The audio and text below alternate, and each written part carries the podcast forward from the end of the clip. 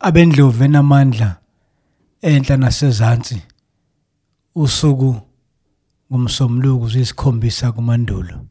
Igama ngumnhlanhla kwaMtaka umfowabo nomajalimane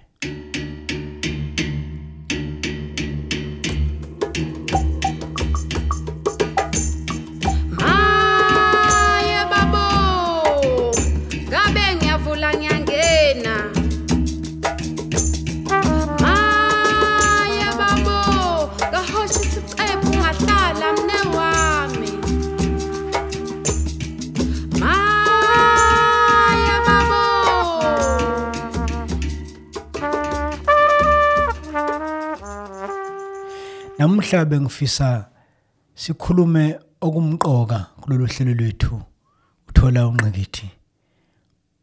Okungamandla okuba isakhamuzi ezweni.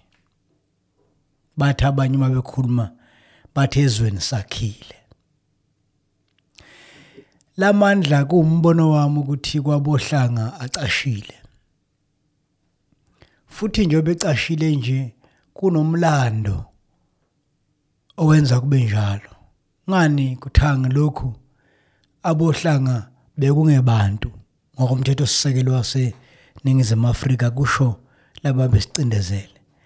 Abohlanga bebengenalungelo la kuvota, la kucabanga nokuba ingxenye yokushaya komthetho yezwe. Ngakho-ke uthatha bese ukuqonda ukuthi kungani bengayiboni beyizakhamuzi noma bengaliboni ilungelo labo lokuba izakhamuzi linamandla okuguqula izinto ngomzuzu nje. Ilungelo leli ngiye ngilifanise nokwazi kwakho amandla emali yakho.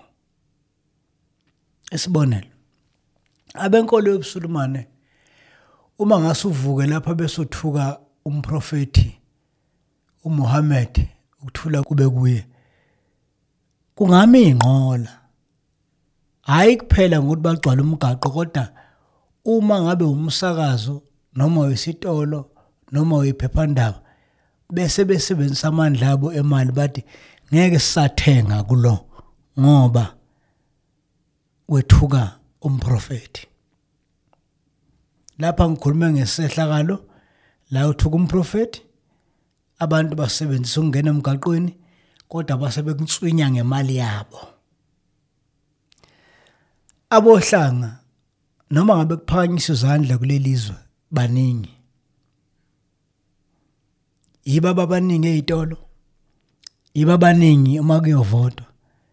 Kodwa kangaki la sikwazi ukusebenzisa khona ilungelo lokuba izakhamuzi kanjalo namandla ethu emali ukuthi labo abasidelelayo nabasithukayo bangazuzi ngathi. Asiqali ke bakithi ukukhokhela into ezisibulalayo ungani nentela eyayikhokhwa yithi kodwa iy'moto zamaphoyisa lezi ey'thekwa ngemali yethu intela ibulale thina. Namanje sibuka isimo la khona ukungaqondi kwethu bomqoka kokuba izakhamuzi ukuba sidelelwe ngabantu siyizakhamuzi ezivikelwe umthetho sisekelo. Singakwazi labo bantu ukubajezisa ngendlela. Isibonelo nje. Sizwe ngento abanye abayihumusha ngokuthi inhlamba eyenziwe ikhemisi okuthiwa uClicks. Leli ikhemisi likhuluma likuthandayo nengicabanga ukuthi likholelwa kukho ngoba phela udaba lokuhamba sesikhangisi esitolo akuyonto ayifani nomkhuhlane uvuka ekuseni eh usunawo kade ulala ungenawo. Kuyahlelwa. Kube nesigaba la khona abantu bezobonisa umsebenzi ozokhangiswa baphike noma bavume ukuthi ungene. Ngamafuphi usungabe uyasikhohlisa nje ukulikisa umuntu ubungabazi ukuthi wenzani.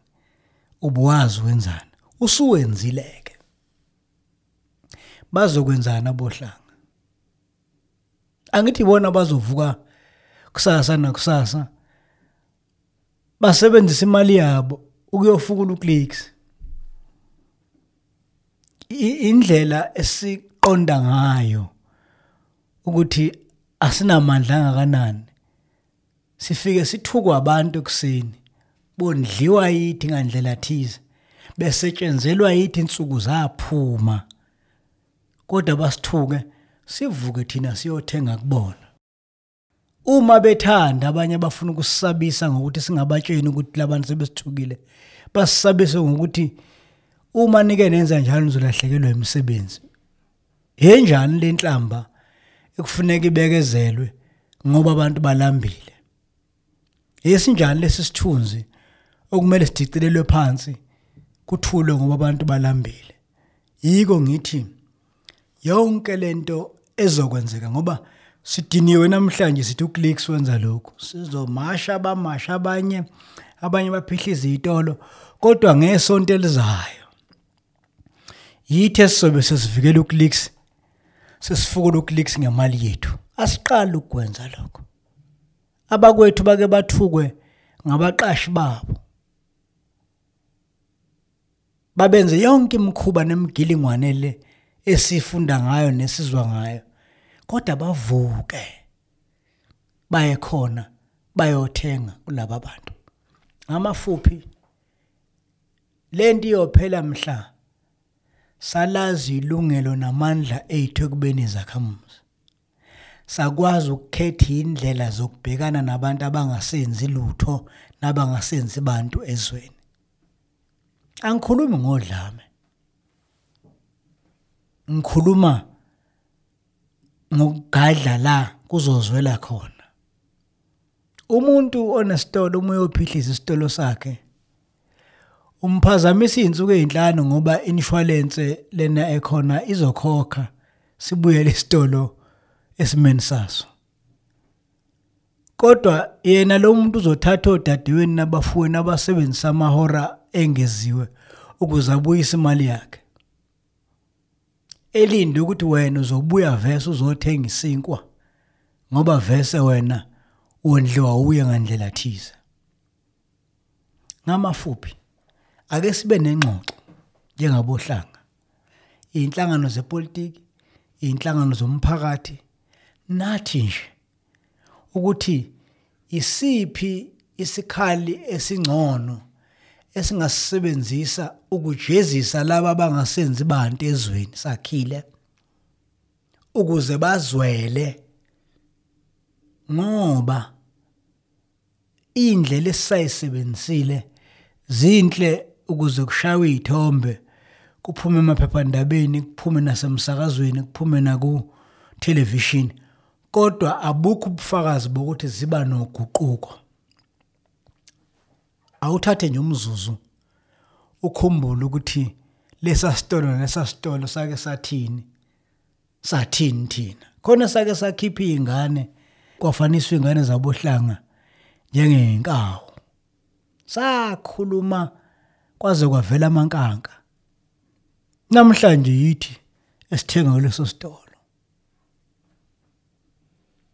Ngizama ukuthi kunezinto ekufuneke sithi uma sifuna ukuzenza noma sifisa ukuzenza masifuna ukudweba umuqa kunesikhathi la khona njengesizwe kufuneke into uma uyenza noma maniyenza ningafaki ukhefane kuthiwa khefane kusazoqhubeka nifake ungqi. Njengoba ngisho abekho abantu abakwazi ukufaka ungqi njengabenkolo yobusulumane akekho nje umuntu ongavuka ekuseni athuka umprofeti acabanga ukuthi usuku luyoqhubeka ilanga liphuma ekuseni selishona entambama kukhona okuzokwenzeka. Ngamafuphi konke kulele kwazini ilungelo lethu namandla ethu ekubeni izakhamuzi ezweni lethu. Asibeni nengxoxo nabohlanga. Sikhiphana amakhizana thina kuqala bese siyolungisa ngoba nginika nje insuku ezimbili ezintathu. Awu futhi ziningi. Nginika nje la namuhla kuyobe sebekhona bathi awu pho clicks sizothenga ngapi sizophila ngapi ngoba nabasidelelayo bayazi ukuthi asilutho. Awu ungani sihlulwe ukhuvethe lapha. Kuthe kuthiwa kuvalwe izwe kwayithi kuqala esivuthwa kuqala ebhodweni saphuma ngaphandle sithi silambile sakha ujenge siyofuna ukukhangeza ukudla ngoba besingelinde ayiseke into esingayitshena belungu manje. Sihlulwe thina zinyanga nje ezimbili ezintathu ukuba siyithibe kuthiwa sihlale endlini. Kusho thina kuqala. Sathi sizodlani sizophuzani somile silambile asinamali asisebenzi. Kusho thina sathi cha isifo lesi siyoshayisana naso ngesimongo ngoba impela uma sihlala lapha endlini sophela endlini baze basha abanye lapha emsakazweni eh nakobe indaba ethi kungcono sife siyakhona. Akulona ihlaya leli kukhomba ukuthi siyisizwe esingakwazi ukudweba umuqa nesingakwazi ukuyihlinzekela. Hayi abelungu bavalile namandiya bavala emzini yabo. Ngenxa yomlando badla banakho baqoqa banakho. Hayi yithi nje sipaquzana namanje sisapaquza phuma lapha ngaphandle yobheka ukuthi bangaki abakwethu abaphandle. Phuma lapha ngaphandle ubonke bangaka bathi awungeke ngcono sife udlala ngathi uhulumeni. Leyo nto isho ukujula kwesimo esibi esikuso. Sokungaqondi ilungelo lethu lokuba izakhamuzi lokungaqondi amandla ethu okuba izakhamuzi nokungakwazi ukuqhamuka neqhingasu lokubhekana labo abangasenzi bantu ezweni sakhile. Asihambeni siyoxoxa ngoba lokho kwenzeke kulempela sonto kwenziwa clicks kusazokwenziwa abanye bethathela kwabanye. Ngeke sikwazi ukuma. Ngamafuphi uma inja ihubha ikati noma ihubhu nogwaja. Uma ufuna uphele umdlalo nogwaja uyama. Lokho ukuthi unogwaju lokhu ubaleka nenje izolokhu uhubhile kuyolokhu umdlalo njalo nje wenje wenje hubhu nogwaja nonogwaja ubaleka elinje. Awume manje nogwaja ugijima. Izoma nenja. Ngamafuphi ngithi asidubo umuqa yiyabo hlanga. Ake sikhulume kusasa sicoshe inqikidi nibe nisayemunyunga emakhaya ukuthi le sizoyenza njani? Ngoba ingangathi ingathi kukhona abakusho kithi ngoba bazi ukuthi ngeke sisho lutho. Kukhona abakusho kithi ngoba nathi sazi ukuthi uma sisho ukuthiza siyobe siphazamisa okusiphilisayo iqiniso lo ngiyalifuma kodwa kuyafika isikhathi lapho isizwe kumele sithathe khona isinqumo ukuthi kufunwa siphathwe kanjani kukhulunywe kanjalo kakanjani naso sihlonishwe kanjani. Ngicabanga ukuthi yiso lesi sikhathi. Futhi kwenzeke kahle ke ngesikhathi lapho izwe kuthiwa sibungaza khona ifagugu. Ake sibuze ukuthi sifuna ukuthi ifagugu lethu eliyobukwa izizukulwane kube yini? Sifuna kube elamavaka akhuluma usuku olulodwa bese buyela khona lapha ayodla noma sifuna kube ifagugu labantu abancane nabadala abakwazi ukudweba umuqa ngoba izizwe ezihlonishwayo neziphumelelayo ilezo ezikwazi ukudweba umuqa. Uma uye eJalimani iyaziwa into ngokuyisho ngeJalimani uma uye eNdiya kuyaziwa nje ukuthi uma ukhuluma kumaHindu ngodaba oluthinta isibonelo inkomo ngoba inkomo ingunina ingumama kubo ngokwenkolo yabo. Bayazi ukuthi umuke waphambanisa ukukhuluma lapho ziyawudweba umuqa zamaHindu. amaJapani mawukhuluma okuthize ngamasamurai okuyi okuyifagugu lawo adweba umuqa amashayina uma ukhuluma eh ngabaholi bawo bathize badweba umuqa amamelikana hey amamelikana angahluka angamthandi uTrump uthi wena wamthandi kodwa khona la uke wakhuluma khona into ethinta ubumelika bawo adweba umuqa amabhunu mawathinta udaba lolimo nenhlabathi adweba umuqa. Umbuzo uthi abohlanga badweba mphi umuqa bona? Bazodweba mphi umuqa? Nangu phela uclicks usuyithelekile nizomemeza nibuye nivukeni iye khona kusasa. Bazolihleka. Haye babo!